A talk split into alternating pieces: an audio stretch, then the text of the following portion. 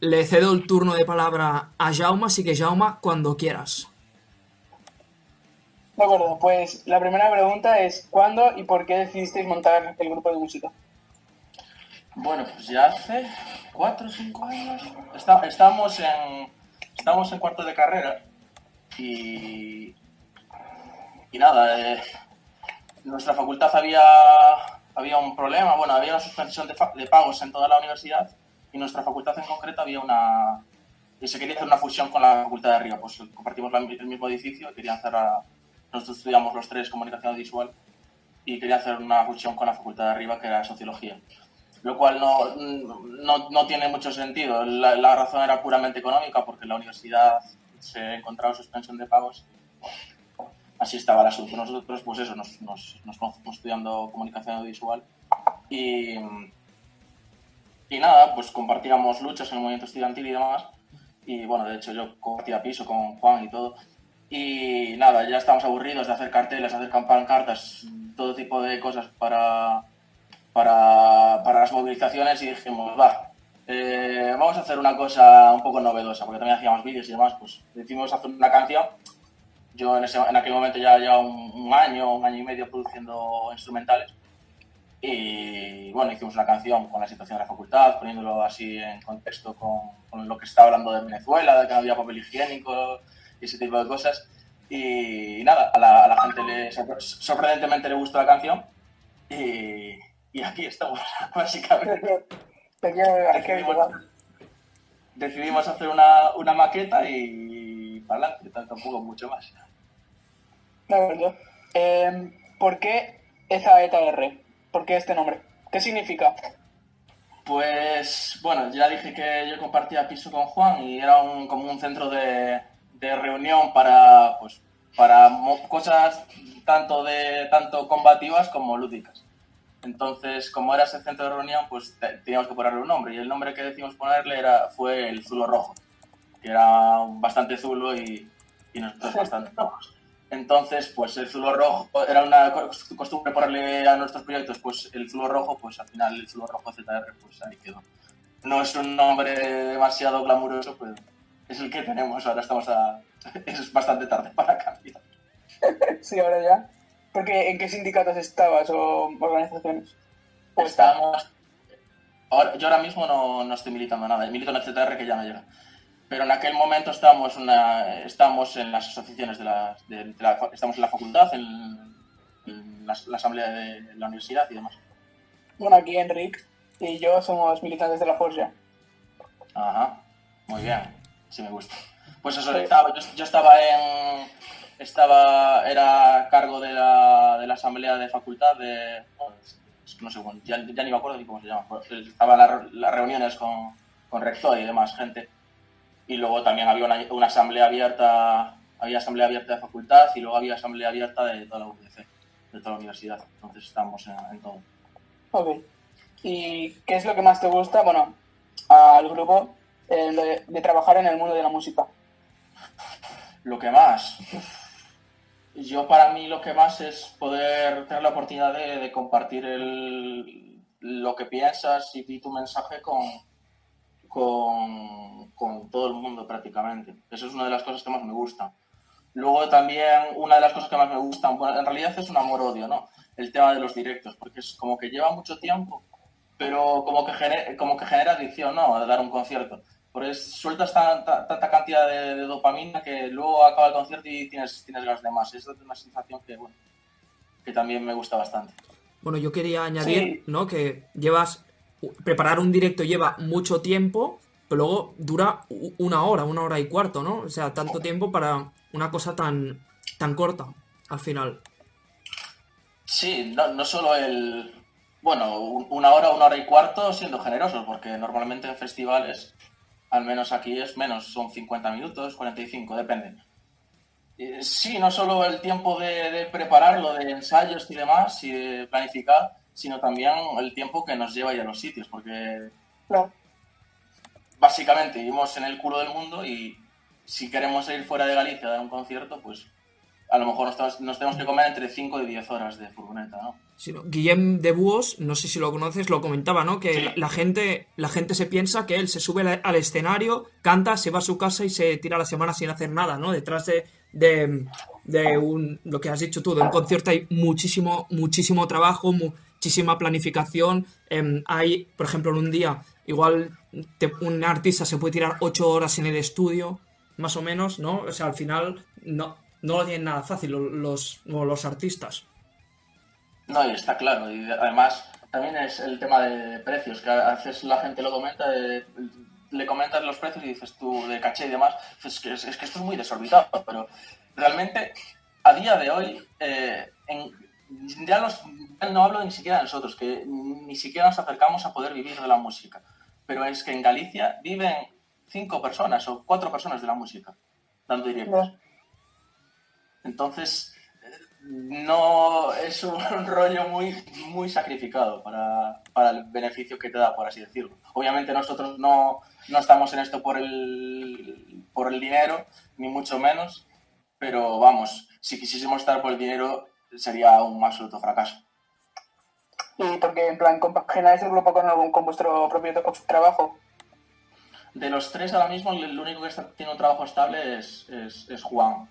Eh, luego Miguel y yo, pues, estamos haciendo proyectos que nos salen, trabajos y demás. Yo, pues, hacemos vídeos, yo hago diseño, diseño gráfico, hago instrumentales también para otros artistas y demás. Pero es que también, esa es otra. Yo llego a una, a una entrevista de trabajo, me dicen, muy bien, el perfil está muy bien, pero me dices que los fines de semana o los viernes no vas a poder, no vas a poder estar, ¿no?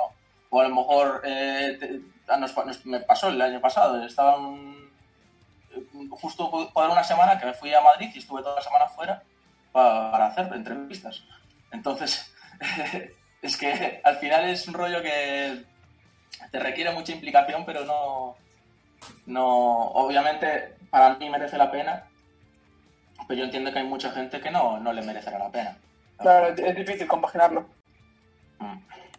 Y entonces, la siguiente pregunta es, ¿habríais imaginado compartir escenario y hacer alguna canción con gente que es como muy famosa en este mundo?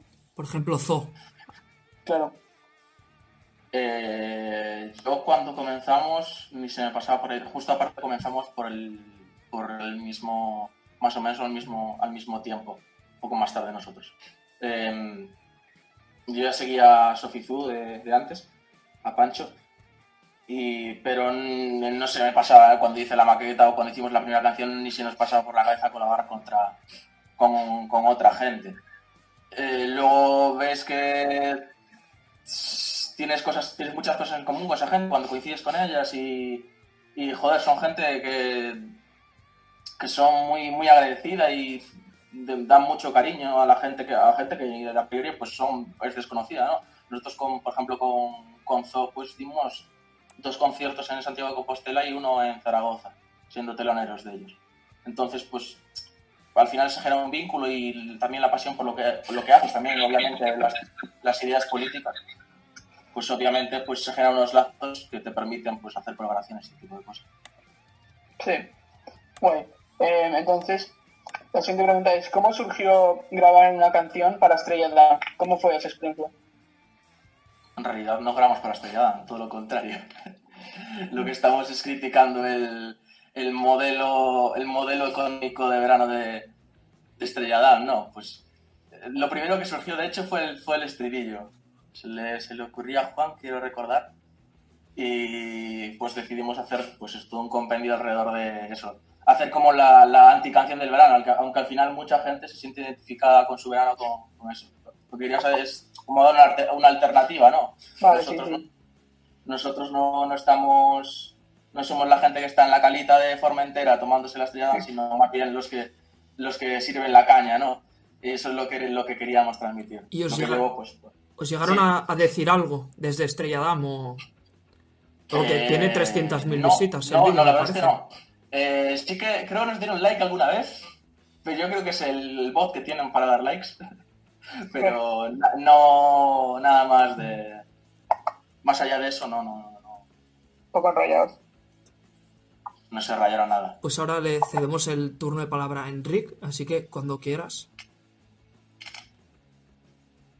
Enric, tienes el altavoz quitado. El micro. El micro, el micro. Sí, ahora, ahora se me escucha bien. Sí. Vale, perdona. Bueno, yo te quiero preguntar sobre tus canciones más. O sea, tu primera. Tu primer disco, que es Maqueta, como has dicho anteriormente, y me gustaría decir la canción que le tienes más cariño. O sea, Uf, de la maqueta. En realidad, la maqueta en general me genera así mucha, como mucha nostalgia, ¿no? Porque los inicios, pues, al final es, es- es- es otro rollo menos prof- profesionalizado y tal. Y lo hace, aunque quieres hacerlo con el mismo, con el mismo, la misma actitud, eh, es imposible hacerlo con la misma actitud. Eh, yo, para mí la mejor canción de la maqueta es, es Liberdade, mm, porque la instrumental, aunque esté feo que lo diga yo, me parece la mejor del, del disco, pero realmente es que en la maqueta hay, hay temas que deberían, para mí, deberían, deberíamos grabarlos de nuevo, todos. Desde, desde, ¿cómo se llama? Desde Vampiros hasta Veros Domar, yo creo que son temas que, que merecen mucho la pena. Igual, igual envejecieron, envejecieron un poco mal, pero, ya. pero bueno.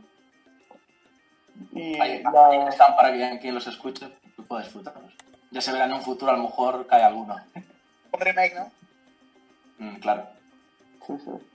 Y la mejor canción en general, o sea, de todo. Uf, estas preguntas son difíciles. ¿eh? Tengo que, tengo, voy a entrar en, en el perfil de Spotify de CTR porque Un minuto te doy. Y luego, si Eh, quieres, puedes decir la que menos te gusta. Y puedes decir La la, com- menos la compuso este. Sí. A ver, no- normalmente las instrumentales las hago yo, o sea que al final el trabajo es- colectivo, no hay nada que sea solo de uno, pero bueno. A mí, eh, una de las que más me gusta, yo creo, también es que yo me baso todo sobre todo en las instrumentales, porque como es lo que, como la primera parte la hago yo, pues eh, estoy condicionado por eso, pero por ejemplo, Pólvora y Tormenta, hacer la instrumental de Pólvora y Tormenta para mí fue, fue divertidísimo, me lo pasé estupendo haciéndola y yo creo que quedó un tema, un tema muy redondo, muy redondo, muy chulo. Pero vamos, es que ¿a quién prefieres, a papá o mamá? Al final es, es un poco eso, ¿no? Al final como son todos tus hijos, pues eh, es complicado escoger. Ya, ya. Todas son. los- todas están muy bien y ya está. Es que. Eh, bueno, peores, a ver, vamos a ver. Por ejemplo, creo que Es fue. es- sí. Caliu, Sí, sí. Caliu nos dijo que había una canción que querían eliminar de, de su directo porque no les gustaba. Una canción que habían, que habían, que habían hecho ellos mismos. No sé si te, te pasa que tienes alguna canción que, te, que la tienes como muy desgastada y dices, es que no me gusta en directo. Eh, sí, sí que nos pasa que hay, que hay temas, por ejemplo, ya hablando claro, con No me la estrella para mí es un tema que, a- a- aunque en directo lo- me lo paso muy bien, es un tema que, que está muy quemado. Y que al final, pues, parte, pues que no, no, mm, lo que pretendía decir no cumplía eso. Pero luego hay temas, nosotros queremos hacer un directo, solemos hacer un directo enérgico, entonces temas más lentos, yo que sé, eh, pan cotiao o ma ma, ese tipo de, de cosas, no solemos meterlas en los directos, porque eso, intentamos hacer que el directo sea muy, tenga mucha energía y, y son momentos, ya para, para, para interpretar la canción son momentos de mucho bajón No, cuando su- llega. Supongo que cuando haces. Bueno, yo no soy músico, pero es mi opinión que al final cuando haces un tema que lo peta tanto, también te arriesgas a que te lo machaquen mucho y al final te acabes cansando, ¿no? De decir, es que la he escuchado tanto y he hablado tanto que ya no quiero saber nada más. Sí, está claro, pero vamos, eso le pasa hasta la, hasta la gente que escucha música, ¿no? El- Mm. Pues también el, el fenómeno de la canción del verano. Con de- el despacito. pues eh, hay, hay- hay- hay canciones que escuchamos y decimos, por favor, quítame esto, ¿no? De vez en, de vez en- de vez en cuando, claro, la Tusa, Gangnam Style, eh, yo que sé, Get Lucky en su momento también. Hay temas que, que suenan, suenan tanto y en todos lados que al final acabas Despacito. Mm. también. Po- Podríamos estar aquí hasta mañana si queréis diciendo pero claro, que joder, son temas que funcionan y por eso gustan, pero obviamente es la gente se, se, machaca con ellos y entonces pues, obviamente pues te acaban, acaban cansando. Y ahora hablando de la gente, pues ¿cuál es el mejor concierto que tengas en mente? O sea...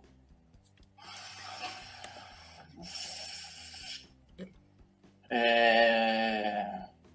Ostras, que todos los... Que prácticamente, no voy a decir todos, pero prácticamente todos los conciertos tienen algo que, que mola, ¿no? Pero yo, uno, uno que me que recuerdo con mucho cariño fue en, en Barna, en Baicarca, en el mm. Ateneu de Baicarca. Mm. Que no sé, si, no sé si lo conocéis. Sí, yo vivo cerca. Es, es, un sitio enano. Eh, el concierto lo das en, el, en, el, piso. en plan, la gente está a tu misma altura. Sí, sí. Y bueno, ya históricamente, pues eh, el hip hop de Barcelona pues tiene mucha, mucha trascendencia, ¿no?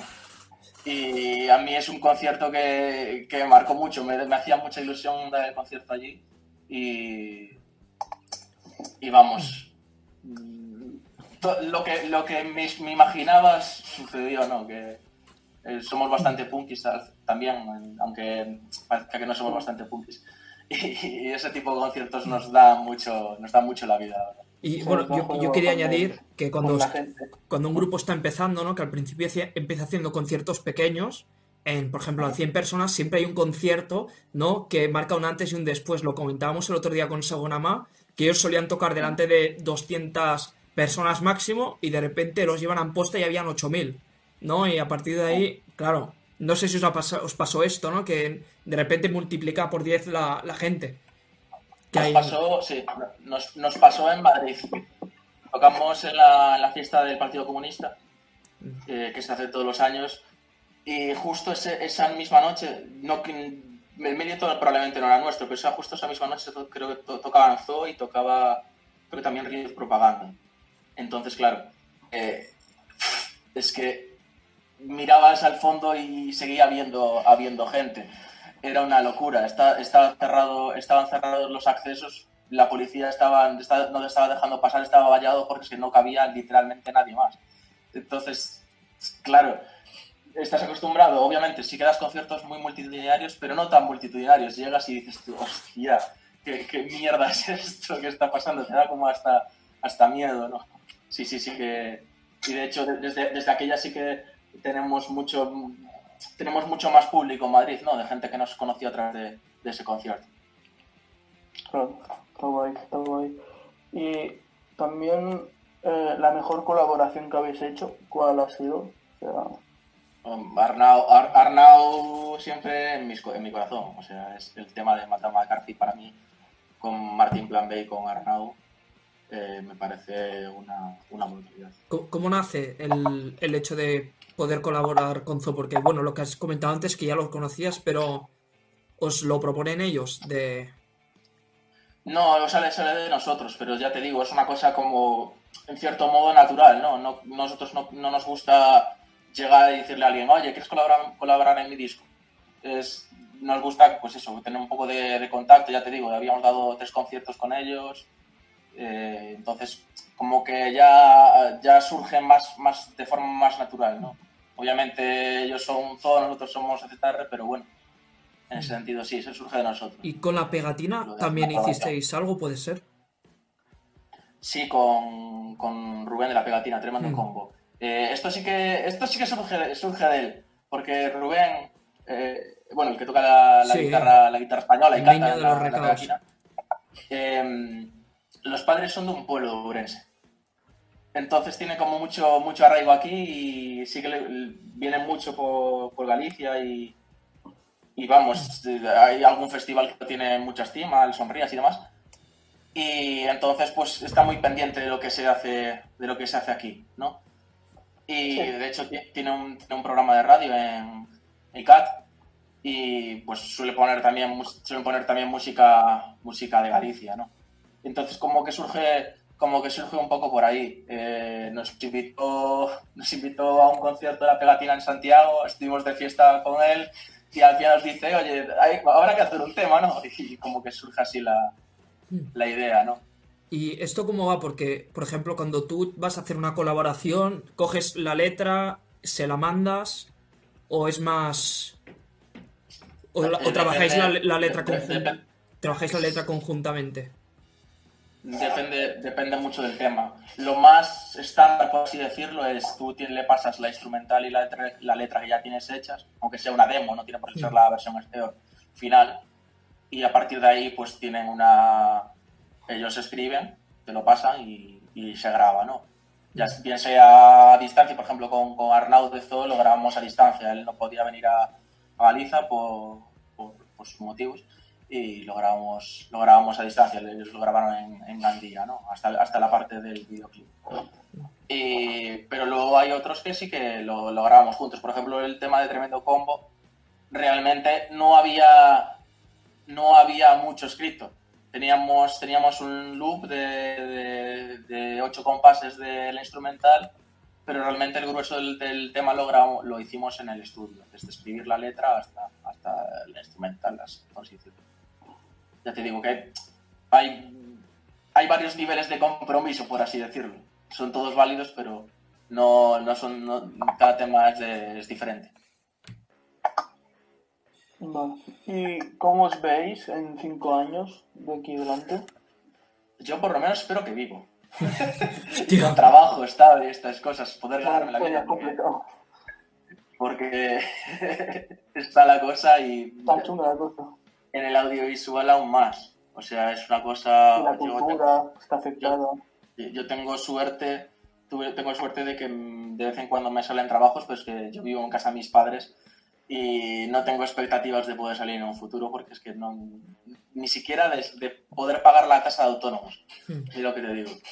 Entonces, Es que, y con, y, y con esto del, de, con esto de- del, del, del COVID o de la COVID, pues aún más complicado, porque la salida que tienes musicalmente, por lo menos, es que te la machacan completamente. Y de hecho, es que incluso nos planteamos, nos planteamos pausar por un tiempo porque es que no vemos, no, se, ve ni- no se ve ninguna salida, ¿no? Entonces, bueno, Y ahora que estás hablando de esto, ¿teníais muchas cosas planificadas antes del COVID? O la COVID, no sé. Teníamos, teníamos conciertos y teníamos pensado algún proyecto y demás, pero es que... El se festi- paraliza el festiwet, ¿no? Se Puede ser. absolutamente todo. O sea, sí, ya y vamos a ir nosotros. Enric, Festiwet, eh, íbamos a ir a. íbamos a, íbamos a ir- teníamos algún, a- algún otro festival en, en País Valencià y luego en Euskadi teníamos conciertos. Y claro, el tema es. Es un mazazo muy grande para la cultura, sí. sí, porque van a ser los últimos, ¿no? En volver, al final. Claro, es que se, apla- se aplazan todos los festivales a, a- a otoño, pero es que. Sí. ¿qué, qué, qué expectativas reales tienes de hacer los conciertos en otoño? O sea, porque expectativa- expectativas reales no hay. Entonces, como que es todo hiper complicado. Mm, No hay, eh, ya te digo, a, a medio plazo puedes, puedes tantear lo que puede pasar, pero es que a largo plazo no tienes ni idea de lo que por ejemplo, Tony Mejías, de los chicos del maíz, comentaba que, claro, las medidas que les han propuesto a ellos para poder hacer los conciertos le parecen un poco surrealistas, ¿no? Porque les decían em, me- meter a 100 personas en una sala de, de 2000. Claro, porque al final, si tú metes 100 personas a un concierto, para el tipo de música que es, es imposible que no se junten. Algo, ¿No? Claro, está claro. Y luego también lo de dar, los conciertos en exteriores se pueden dar, pero la gente tiene que estar sentada, ¿vale? Claro. Eh, eso, Por- eso te puede volar para un cuarteto de cuerda, pero para, Sí, claro, para un grupo como para vosotros. que, que- que requieren bailar, la gente le gusta bailar, pues no vale. Yo entiendo que obviamente hay que hay que tener especial precaución con estos temas y con las aglomeraciones, pero es que yo, yo- yo ya te digo, tampoco tampoco tampoco sé la solución. Un concierto de, Raf- Este, de Rafael en un teatro queda muy bonito, pero claro, Claro. un- por ejemplo, Zoo o vosotros, claro, un teatro, no me imagino a la gente sentada todo el rato. Claro. Está- y luego hay, hay al- alternativas también. Tú puedes dar un concierto online con una entrada online, pero Sí, esto lo, no, es, no es lo mismo. también es lo han comentado. No, claro, porque al final, ¿qué vas a estar, por ejemplo, fregando los platos mien- mientras escuchas? No, al final esto no es un concierto. Como si estuvieras escuchando, por ejemplo, un concierto de Spotify en directo. Está claro. Tal cual. Pues ahora cojo yo las riendas y la primera pregunta que nos envían es ¿de qué grupo te hubiera gustado formar parte? Por ejemplo, puedes decir, en ediciones anteriores no- creo que nos dijeron Bob Marley y- o Oasis Beatles. o los Beatles. Hostia. Pues nunca me lo había planteado. Mira, un, un grupo del que me gustaría, no sé si formar parte, pero colaborar con ellos es con, con la señora Tomasa, Oh. Pau Lobo. en- que hacen, hacen fusión, bueno, de Sí. electrónica y ritmos, ritmos latinos. Es que, no sé, me parecen brutales. Es en plan, no sé, Lo están petando Es- es ahora. un- Y Ahora luego que, escuch- que se escuchan los temas, y a mí me pasa, que es- escuchan, yo su- suelo escuchar mucha música cuando sale y demás, pues, también es parte de mi trabajo, ¿no? Como hago instrumentales, pues quiero ver lo que se hace y demás.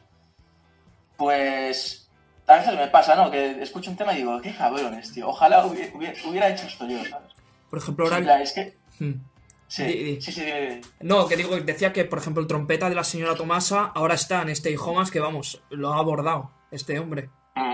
Sí, de hecho tienen un contrato con Sony, ¿no? Para sacar un... Sí, van a sacar, bueno, disco. creo que ya está en, en Spotify, tiene alguna Sí. maqueta. ¿no? Hmm. Es esto. Sí, y sí.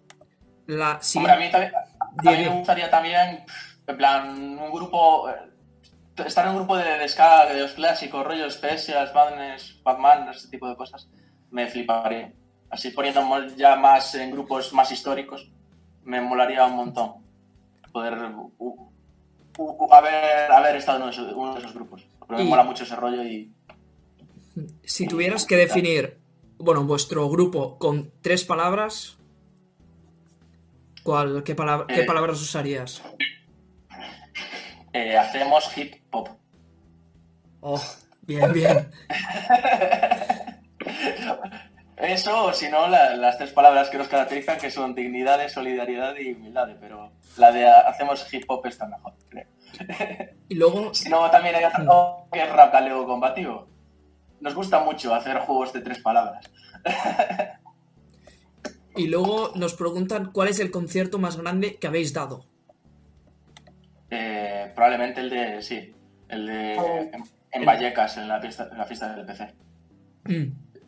El ¿Y de, este- el de este, el- el- el de este año no, el del año, el año anterior. cuánta Este gente fue- había más o menos? En...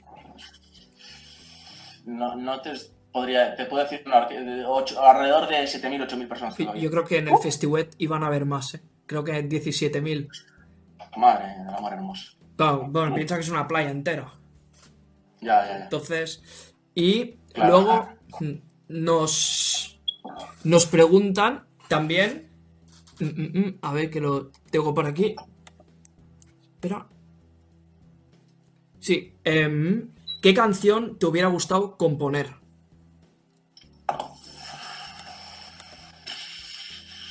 Pues así a bote pronto no te sabría. No te sabría decir. Tendría, tendría que estar. por poner un ejemplo así de canción que. De escuchar decir que cabrones. Por ejemplo, Nativa, la de Rubén Selva, me parece un temazo. En plan, todo lo que aspiro yo a hacer en esta vida en relación a la música es un tema como ese, ¿no? En plan, me parece un tema tan redondo. Pues, por ejemplo, Rubén Selva. Y ya la última pregunta, y luego ya pasamos a una que les tendrás que hacer tú a los invitados del jueves, es en qué ciudad, ¿vale? Quiero que digas el peor catering que os han dado. Por ejemplo, en Sagonamá nos, nos dijeron que en Agramunt, que es un pueblo de aquí de Cataluña, no tenían ni, ni para agua, no les dieron ni, ni agua. Es, es alguno nos, nos pasa, ¿no? De algún festival que ni, ni agua te dan. Eh, pero así. Es que normalmente vamos a sitios en los que se come muy bien. Porque, por ejemplo, cuando vamos a Euskadi, Oh, nos llevan así. Nos dan. Y luego también, joder, la gente de, centros sociales y demás. eh, normalmente se, se, porta súper bien. Es en plan, obviamente no es no es un restaurante de 5 estrellas Michelin, pero joder, dentro de, las posibilidades, pues está muy bien. Pero el peor, uf, es que estoy intentando recordar porque sé que hay alguno que fue horrible, pero es que es que solo me estoy acordando de los, de los buenos. Por ejemplo, en Sitges, uh, en las barracas. En, barracas, impresionante. Uh, yo soy del pueblo de al lado y Eh, se come de cojones ahí. Eh, luego, es que en Cataluña también. Fuimos a algún, a algún sitio en el que hemos tocado que En nos llevaba a, sitios que dices tú, joder, madre mía, pero ¿qué, qué está pasando? Porque aparte, como que todo eso, eso- todo eso corre a cargo de la, organización y se me tío, les estoy dejando una pasta, ¿sabes? Que no soy solo yo, a lo mejor hay 10 con- 10 grupos más de aquí, ¿sabes? No sé. A mí me hace gracia Sí, porque precisamente en Galicia, que se come de cojones, que un- si un gallego dice que en un sitio que no es Galicia se come bien, es que se come realmente bien. Por ejemplo, en Vilanova habéis estado tocando En, en Vilanova. y en el eh, Tingladu, es un festival Creo que no. que ha ido no. Zo varias veces. Bueno, es, es bastante... sea, tocamos en Vilasoán, en el Revenidas. Ah, no. Y ahora la última pregunta que te proponemos es que les hagas una pregunta a The Jets que vienen el jueves. No sé si los conoces. No, ¿cómo se, cómo se escribe? The Jets, ¿no? O ¿Eh? sea, D-T-Y-E-T-S. son, creo que hacen rap también. Ah, TX. Es de Tiets, vale. De una, la, A- Amakin es su canción más famosa. A ver, vamos a ver. De- Dejadme aquí 5 cinco segundos. Los chavales muy jóvenes. Ya, ya, ya tengo claro cuál es la pregunta. Eh, ¿Están a favor del modelo verano de Estrella Damm o no? Uh, Pues ya lo sabéis, Vale. chicos. El jueves Vale. sabremos la respuesta. Pues muchas gracias, Pedro. Y eh, tengáis muchísima suerte